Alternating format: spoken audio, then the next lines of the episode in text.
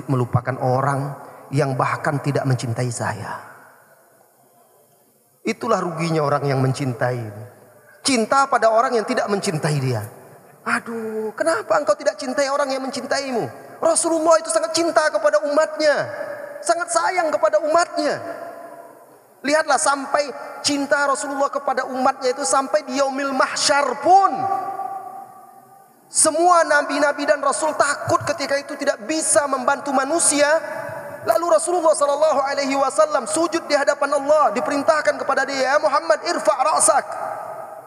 Sal tu'ta. Wahai Muhammad, angkat kepalamu, minta akan dikabulkan permintaanmu, beri syafaat akan diizinkan untukmu. Rasulullah langsung ingat umatnya, bukan diri dia. Ketika para nabi dan rasul di yaumil mahsyar berkata, "Nafsi, nafsi, aku takut diriku, aku mengkhawatirkan diriku." Rasulullah mengingatmu, umatku ya Allah, umatku ya Allah, dia ingin umatnya yang pertama diselamatkan. Bukan dibilangnya dirinya. Rugi Anda mencintai orang yang tidak mencintai Anda. Dia selalu ada di dalam hati dan pikiranku.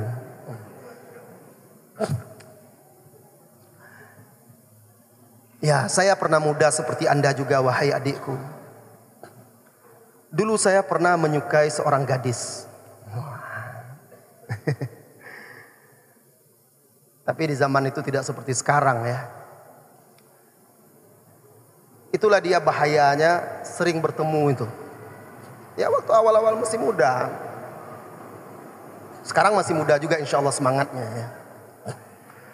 Akhirnya saya kuliah di Jakarta, dia di Pekanbaru, kami surat-suratan lah, surat-surat.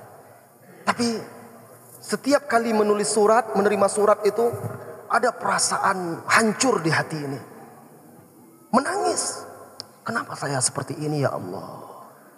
Berjuang terus, berjuang terus, berjuang terus. Untuk melupakannya. Enggak bisa juga. Ya Allah, berbaring teringat dia terbayang-bayang di mata. Ketika matahari terbit seperti melihat senyumannya. Mendengarkan kicauan burung seperti merdu suara. Itu katanya kan para pujangga. Itu orang yang sudah di mabuk asmara. Jadi terganggu menuntut ilmu. Ada rasa takut, ada rasa khawatir cemas sampai akhirnya saya bulatkan tekad ini tidak benar. Ini godaan syaitan ini. Ini kalau tidak saya putuskan berbahaya, maka saya bakar semuanya, saya hapus alamatnya, nomornya apa semuanya, selamat tinggal. Sekarang saya berteman dengan ilmu, sekarang berteman dengan kitab-kitab di majelis ilmu. Sudah saya lupakan, tidak ada lagi.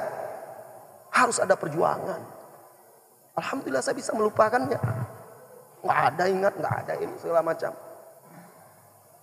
Kalau kita betul-betul ingin berusaha.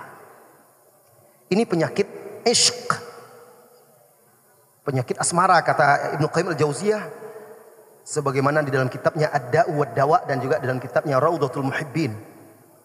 Dan penyakit ini wahai saudariku obatnya, obatnya adalah obat penyakit ishq itu salah satunya Anda harus segera menikah.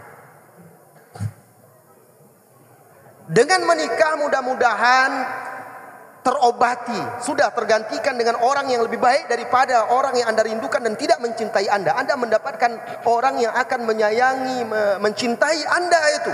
Menikahlah. Anda akan selamat. Itu salah satu obatnya. Menikah karena Allah. Kemudian wahai saudariku, perbanyak zikir. Perbanyak membaca Al-Quran. Kemudian perbanyak mengingat kematian. Kemudian juga ingatlah bahwa tidak tidak setiap yang kita inginkan itu adalah kebaikan bagi kita.